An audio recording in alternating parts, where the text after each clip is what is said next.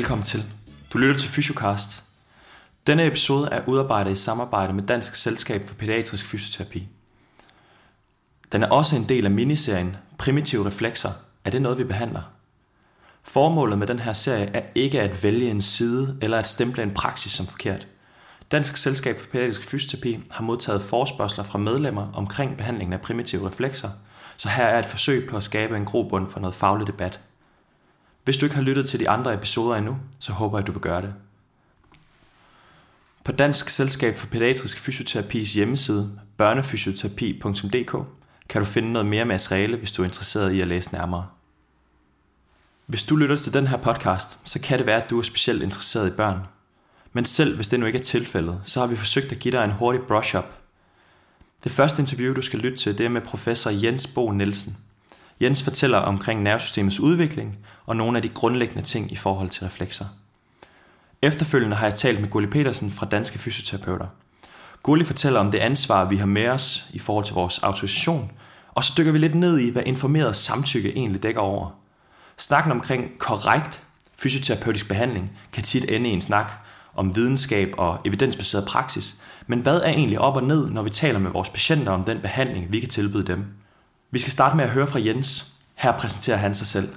Jeg er læge af uddannelse og har i omkring 30 år øh, forsket i, hvordan hjernen den fungerer, og specielt hvordan vi kan hjælpe mennesker, der har fået hjerneskade med at få deres funktion tilbage igen. Øh, jeg har især forskningsmæssigt interesseret mig for øh, spasticitet øh, og for hjernens evne til at forandre sig, alt det, der hedder neuroplasticitet. Og i de sidste øh, omkring 15 år øh, har jeg haft tilknytning til Elsagsfonden, øh, hvor jeg især har interesseret mig for øh, børns udvikling, og specielt øh, hvad der sker, når man har fået en hjerneskade tidligt i udviklingen, og hvordan hjernen den øh, prøver at reparere øh, den øh, skade, og hvordan vi kan hjælpe børnene til at udvikle sig så godt som overhovedet muligt. Vi skal jo snakke om nervesystemet i dag, og dets udvikling og de her reflekser. Fordi, hvordan er det nu lige, det er med nervesystemets udvikling? Jamen, udviklingen af nervesystemet er selvfølgelig ekstremt komplekst. Altså, det, det er jo noget, der foregår over faktisk hele svangerskabet, og kan man næsten sige resten af livet øh, i virkeligheden. Øh, nervesystemet øh, starter allerede i anden uge af svangerskabet. Øh, der kommer de første nerveceller. Øh, og så kommer der rigtig mange flere, og der bliver ved med at komme flere øh, hele svangerskabet igennem. Øh, nok ikke så mange efter fødslen, men stadigvæk nogen, og ikke så mange, når vi kommer op i alderen. Der bliver i særdeleshed også dannet masser af forbindelser imellem alle nervecellerne, og det er noget, der øh, foregår hele tiden, også når vi er blevet født, og når vi vokser op, og når vi er voksne, der bliver der hele tiden lavet forandringer i mellem øh, nervecellernes øh, forbindelser. Det er til at begynde med noget, som er genetisk defineret, det vil sige, der er gener, som sikrer, at nervecellerne de bliver til nerveceller, at de udvikler sig som nerveceller, at de laver forbindelser med hinanden. Øh, men det, der sker under udviklingen, det er, at der til at begynde med bliver dannet langt flere nerveceller, end der i virkeligheden er behov for. Der bliver dannet flere forbindelser, end der er behov for. Så når vi når derhen til, hvor der er blevet dannet muskler, øh, hvor der er arme, ben og noget, der skal bevæge sig, øh, så kommer der især en fase, hvor øh, de forbindelser, der er blevet dannet, de begynder at forandrer sig. Der er nogen, der forsvinder, der er nogen, der bliver stærkere, øh, og det sker alt sammen i en øh, udveksling imellem øh, i virkeligheden det, der er genetisk betinget, og så det miljø, der nu er, de omgivelser, der er. Så det vil sige, især når barnet er blevet født, øh, så foregår den videre udvikling resten af vores liv i virkeligheden, på baggrund af øh, en læring, en baggrund af, at nervesystemet øh, skal interagere med de omgivelser, de erfaringer, som man får, øh, når man nu er kommet ud i verden og skal finde ud af, at der er noget, der hedder tyngdekraften. Øh, det er en skældsættende begivenhed, at nervesystemet pludselig skal til at forholde sig til, at øh, der er en kraft, der hele tiden trykker ned imod jorden. Øh, det betyder, at de nerveforbindelser, der er i vores nervesystem, som er med til at styre vores muskler, skal lære at modvirke tyngdekraften, arbejde imod tyngdekraften. Og det betyder, at de forbindelser, der er i hjernen, som kan hjælpe med at gøre det, de bliver styrket, mens dem, der ikke kan hjælpe med at gøre det, de bliver svækket, og på et tidspunkt så falder de væk. Og sådan er det faktisk øh, især i den første del af vores liv, i øh, den første barndom, at der foregår denne her meget, meget øh, hurtige, effektiv læringsproces, hvor øh, forbindelser, øh, som er brugbare til at øh, gøre det, som er hensigtsmæssigt for, at vi kan øh, bevæge os rundt øh, til at begynde med øh, gribe ud efter ting, øh, få fat på ting i vores omgivelser, øh, efterhånden finde ud af at komme op og sidde, kravle og til sidst gå og så videre. Det er alt sammen noget, som øh, sker på baggrund af en øh, øh, læringsproces, hvor vi i virkeligheden prøver øh, nogle ting af, øh, ser om vi kan få fat på den der interessante sut, der er i nærheden af os.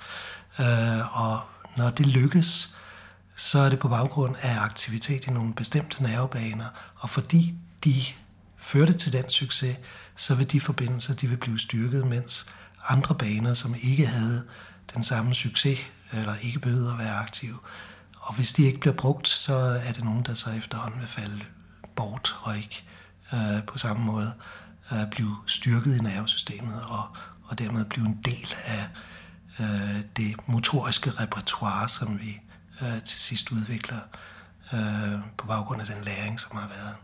Så det vil sige, at det, det er en, øh, i virkeligheden sådan en øh, løbende udvikling, hvor øh, vi øh, konstant foretager, øh, hver gang vi laver en bevægelse, øh, en afprøvning af, hvordan vores omgivelser er indrettet, hvordan vores krop er indrettet. Øh, og på baggrund af, om øh, vi opnår en succes med det, vi nu gør, øh, så bliver forbindelserne styrket i nervesystemet. Øh, og det er det, der ligesom former nervesystemet øh, hen over udviklingen, og faktisk resten af vores liv.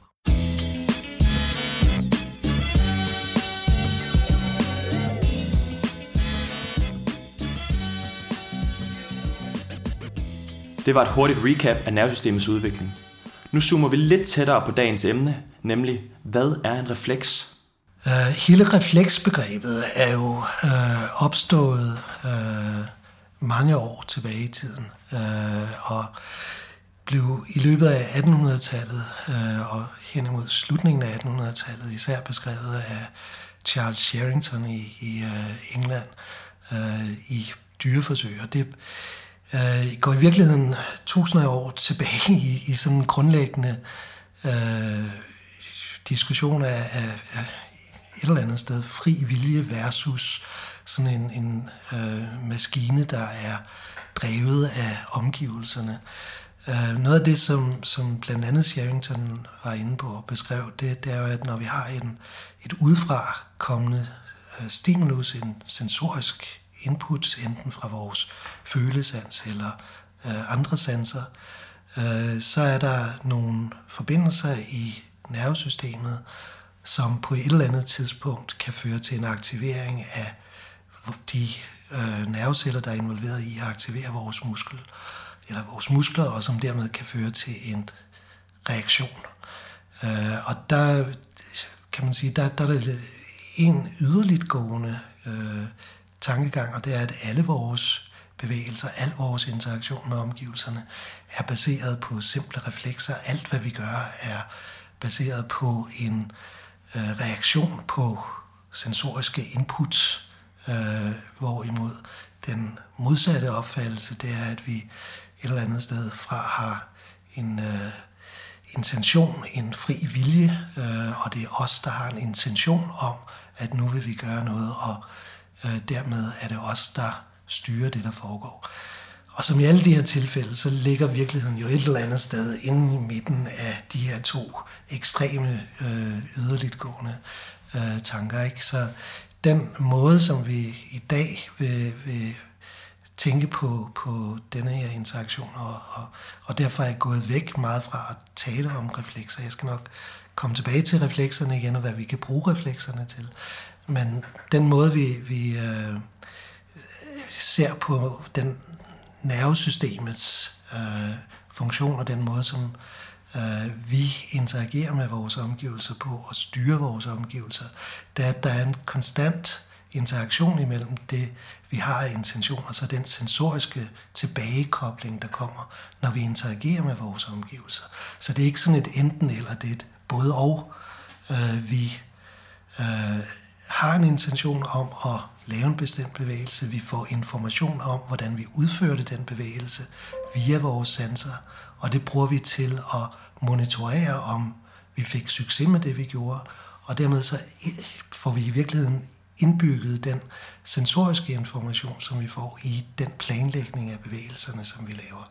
Så jeg har brug for viden om, hvordan mit, mine omgivelser er indrettet, for at jeg kan interagere med omgivelserne. Det får jeg selvfølgelig via mine sensorer. Og der bruger jeg den information til løbende at opdatere mine bevægelser, og dermed så får jeg integreret den sensoriske information i den styring af bevægelserne, som jeg har. Ikke?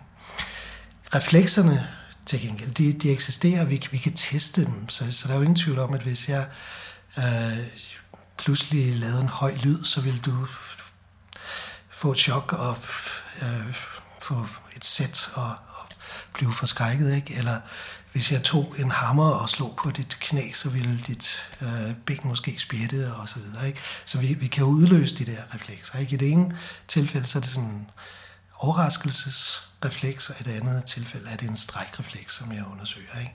Men i begge tilfælde er det en relativt unaturlig øh, måde. Det, det, det er en refleks, den eksisterer, øh, og den er almindeligvis en del af det bevægelsesrepertoire, vi har. Men det er jo ikke sådan, at øh, vi almindeligvis, når vi kommer gående på gaden, pludselig har en læge, der hopper ud og slår os på knæet, og så får vi sådan en strækrefleks. Det er jo ikke den måde, den fungerer på almindeligvis.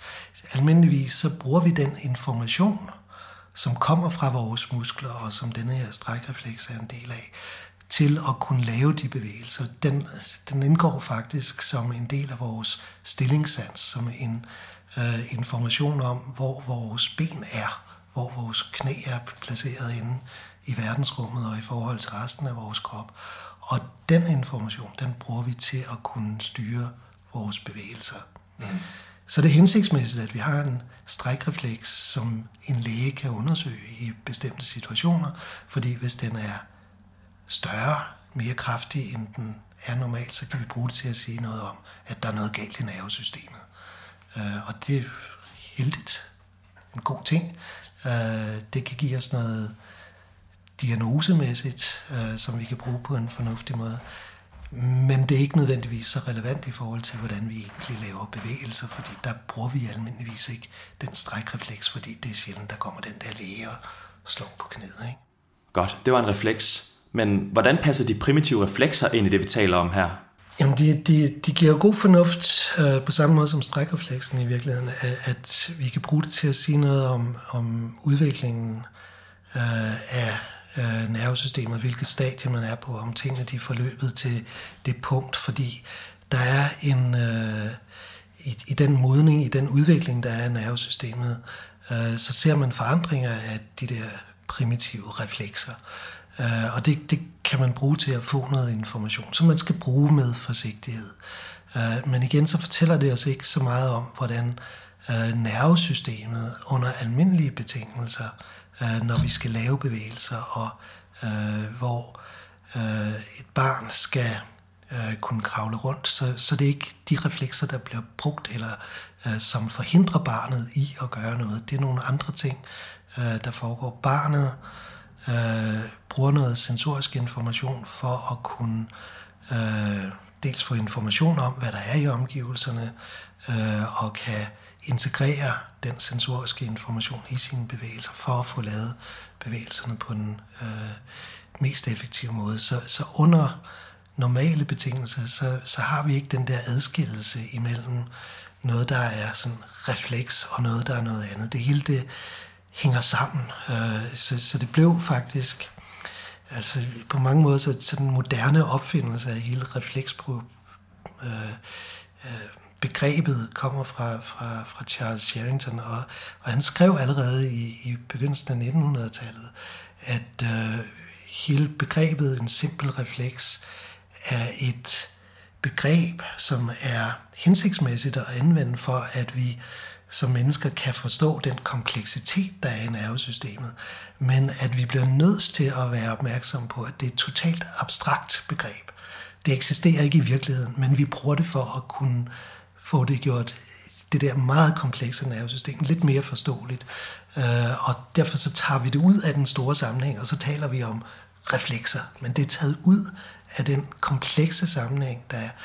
Reflekserne er en del af resten af nervesystemet og eksisterer ikke som selvstændige reflekser, men vi kan udløse dem og bruge dem diagnostisk og pille dem ud af systemet indimellem. Men virkeligheden den er mere kompleks, og der er det integreret som en del, og der ser vi det ikke som reflekser.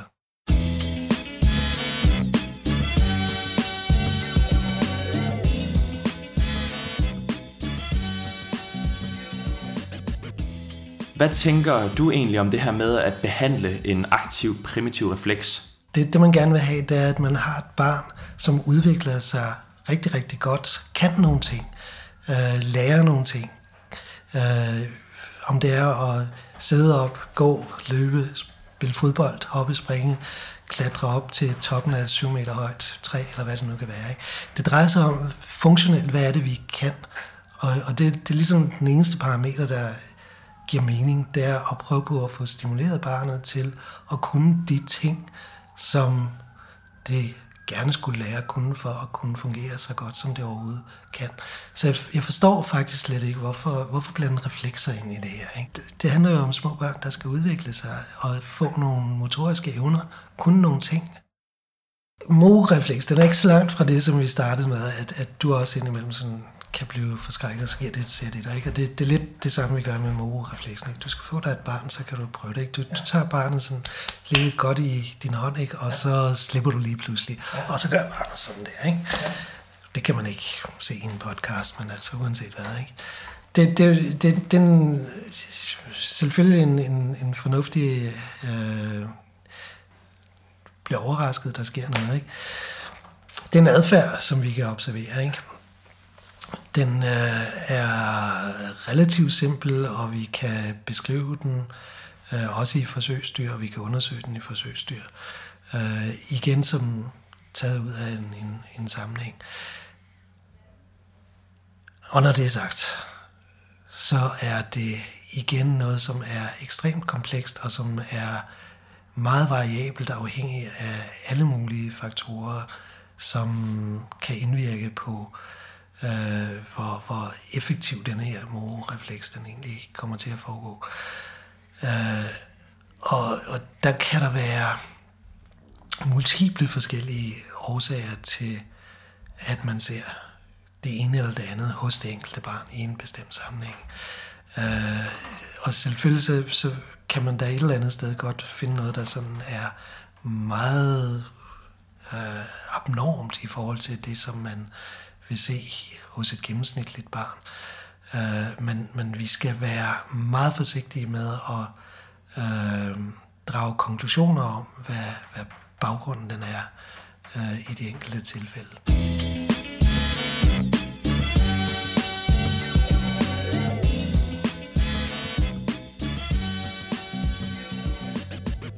Det var snakken med Jens Bo Nielsen. Nu skal vi høre fra Gurli Petersen. Jeg hedder Gurli Petersen, og jeg er chefkonsulent i Danske Fysioterapeuter. Jeg rådgiver medlemmerne i, hvad det er for nogle pligter og ansvar, vi har som autoriserede sundhedspersoner.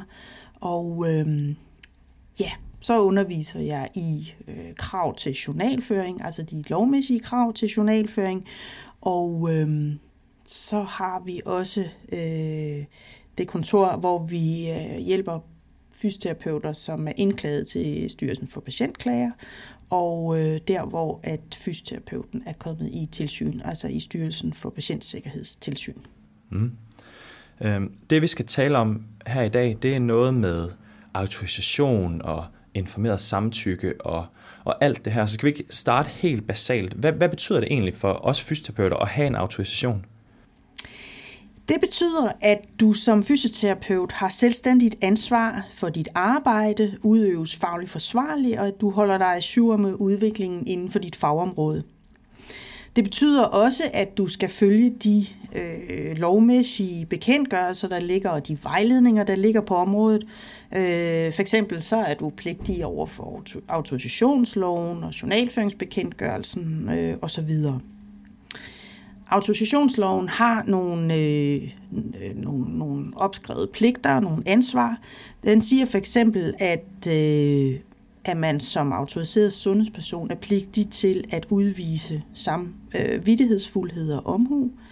Man er pligtig til at udvise uhildethed i erklæringer. Det betyder, at man er pligtig til at være upartisk og neutral, øh, når, man, ja, når man er sammen med patienten, og når man erklærer sig for eksempel skriftligt.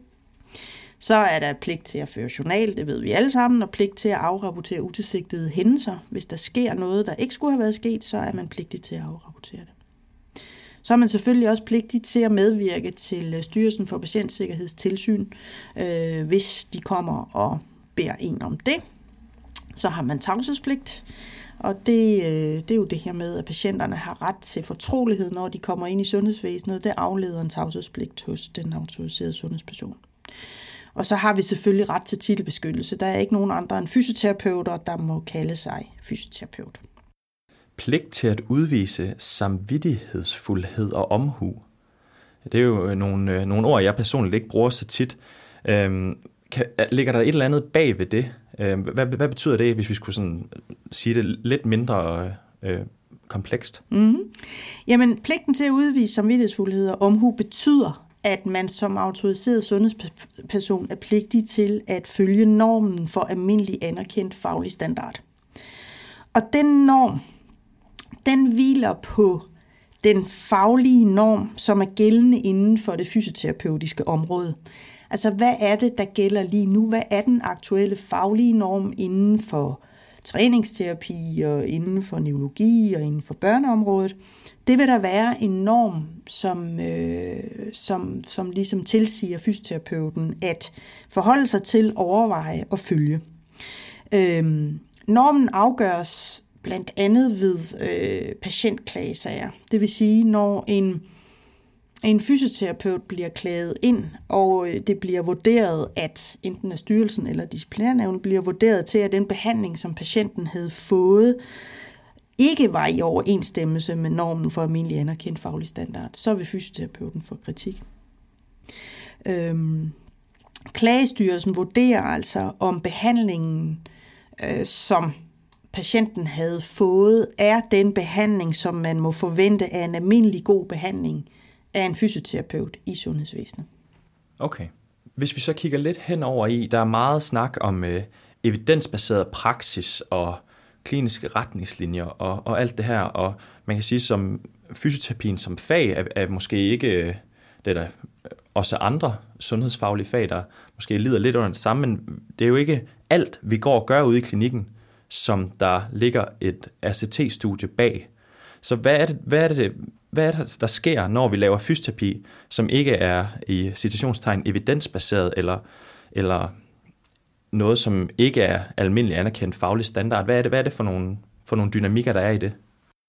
Jamen, der tror jeg i virkeligheden, vi skal starte med, med, med det, som vi talte om før. Hvad er man forpligtet til som fysioterapeut, som autoriseret sundhedsperson? Og det er altså at øh, arbejde med samvittighedsfuldhed og omhu. Det betyder også, at man skal indhente et samtykke til den behandling, som man vil foretage sammen med patienten.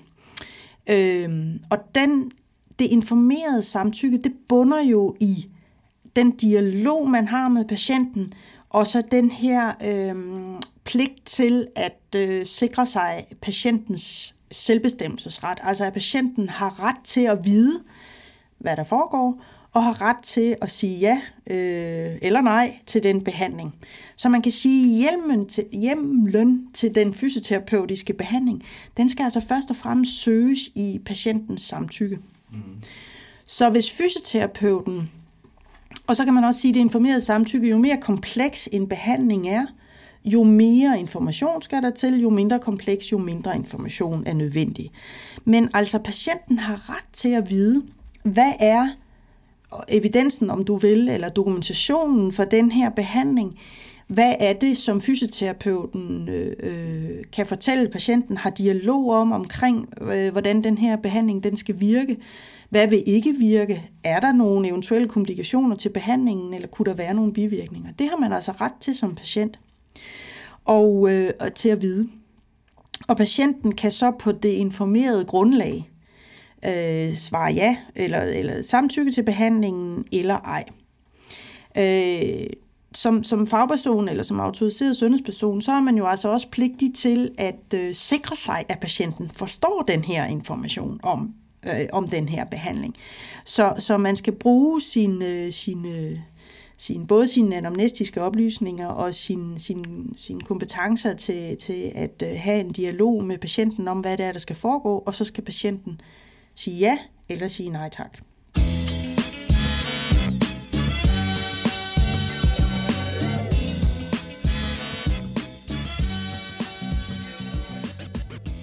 I de senere år har jeg en oplevelse af, at, at mange øh, patienter eller personer eller mennesker i Danmark, kunne man kalde dem, øh, at der er mange, der søger i en mere alternativ retning. Nu er det det, vi, vi kunne kalde alternativ behandling. Hvordan, øh, hvordan står fysioterapeuter i forhold til alternativ behandling? Jamen, fysioterapeuter øh, må gerne lave alternat, såkaldt alternativ behandling. Og vi, mm. hvis vi ligesom definerer den alternative behandling som noget, der ikke er dokumenteret, eller som primært er en behandlingsform, som primært udføres af alternative behandlere, altså ikke autoriserede sundhedspersoner. Det, det, det er ligesom den definition, Sundhedsstyrelsen har på alternativ behandling. Hvis vi ligesom definerer det ud fra det, jamen så, øh, så er der ikke noget til hinder for, at fysioterapeuter udfører alternativ behandling. Øhm, vores etiske råd øh, drøftede i for et par år siden, i 2018, øh, det her med, om, om øh, når fysioterapeuter anvender alternativ behandling.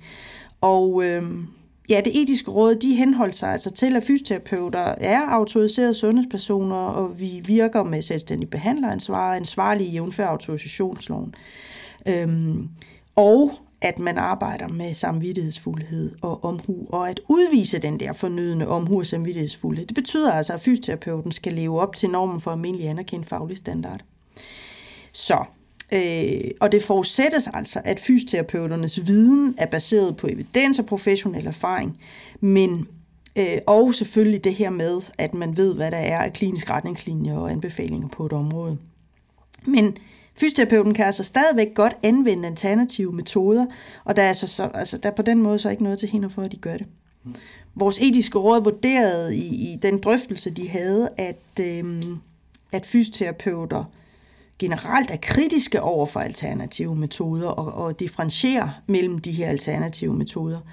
Øh, og, og, og man kan sige, øh, etisk råd har ligesom en anbefaling om, at øh, fysioterapeuter, øh, at vi må være lidt rummelige over for det her med anvendelse af alternative metoder, men, men og de havde også et, en anbefaling om, at alternative metoder ikke bør anvendes konceptuelt, men som et supplement til til fysioterapeutisk behandling.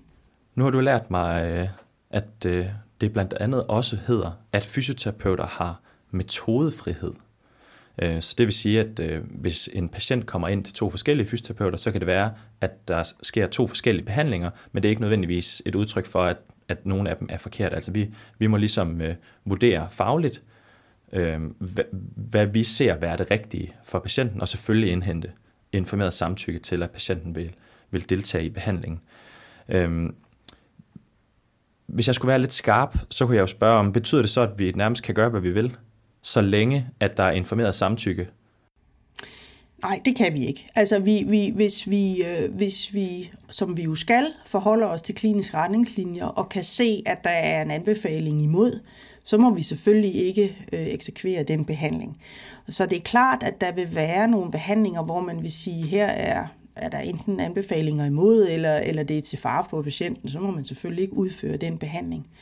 Men ellers, der hvor der ikke er, hvor patientsikkerheden ikke er i fare, og hvor du kan begrunde det med, ja, enten klinisk øh, retningslinje, eller med, at du har erfaring for, at det her det kan virke, så må man gerne øh, have den metodefrihed og sige til patienten, det her det er det, jeg foreslår, det er det her, jeg anbefaler, øh, det vil jeg gerne prøve af sammen med dig, og så skal patienten på det informerede grundlag altså være med på det. Mm.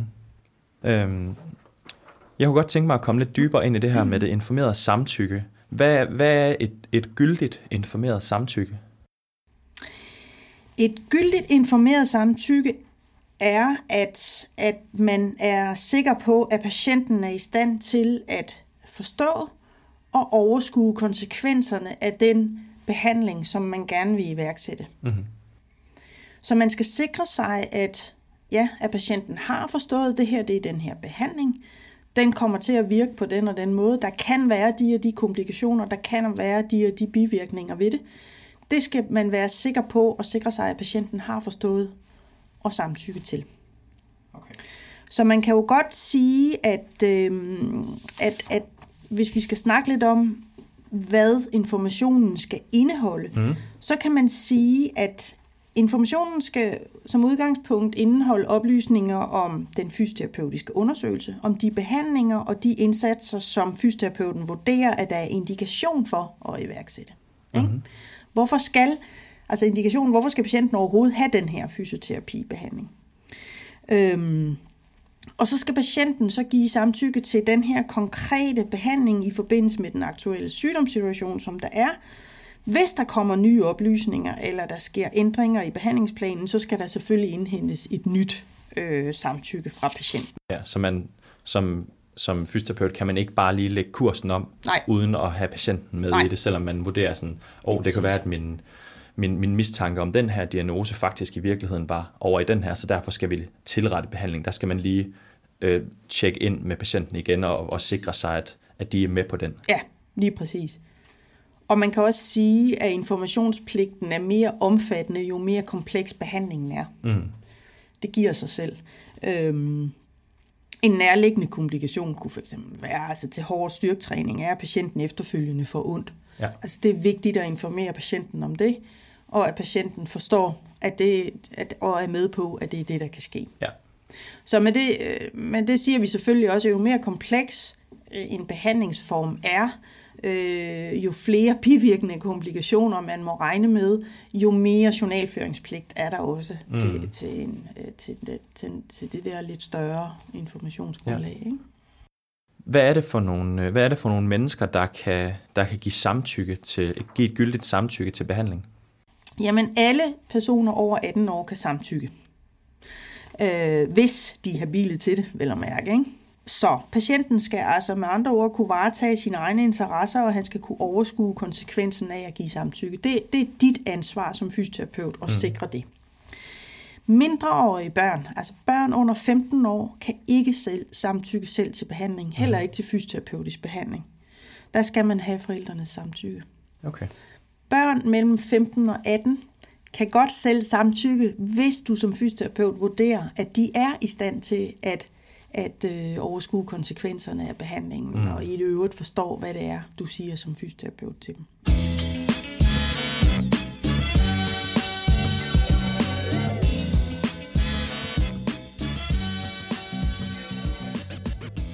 Denne episode er udarbejdet i samarbejde med Dansk Selskab for Pædiatrisk Fysioterapi. Den er også en del af miniserien Primitive Reflekser. Er det noget, vi behandler? Formålet med den her serie er ikke at vælge en side eller at stemple en praksis som forkert. Dansk Selskab for Pædiatrisk Fysioterapi har modtaget forspørgseler fra medlemmer omkring behandlingen af primitive reflekser, så her er et forsøg på at skabe en grobund for noget faglig debat. Hvis du ikke har lyttet til de andre episoder endnu, så håber jeg, at du vil gøre det. På Dansk Selskab for Pædiatrisk Fysioterapis hjemmeside, børnefysioterapi.dk, kan du finde noget mere materiale, hvis du er interesseret i at læse nærmere.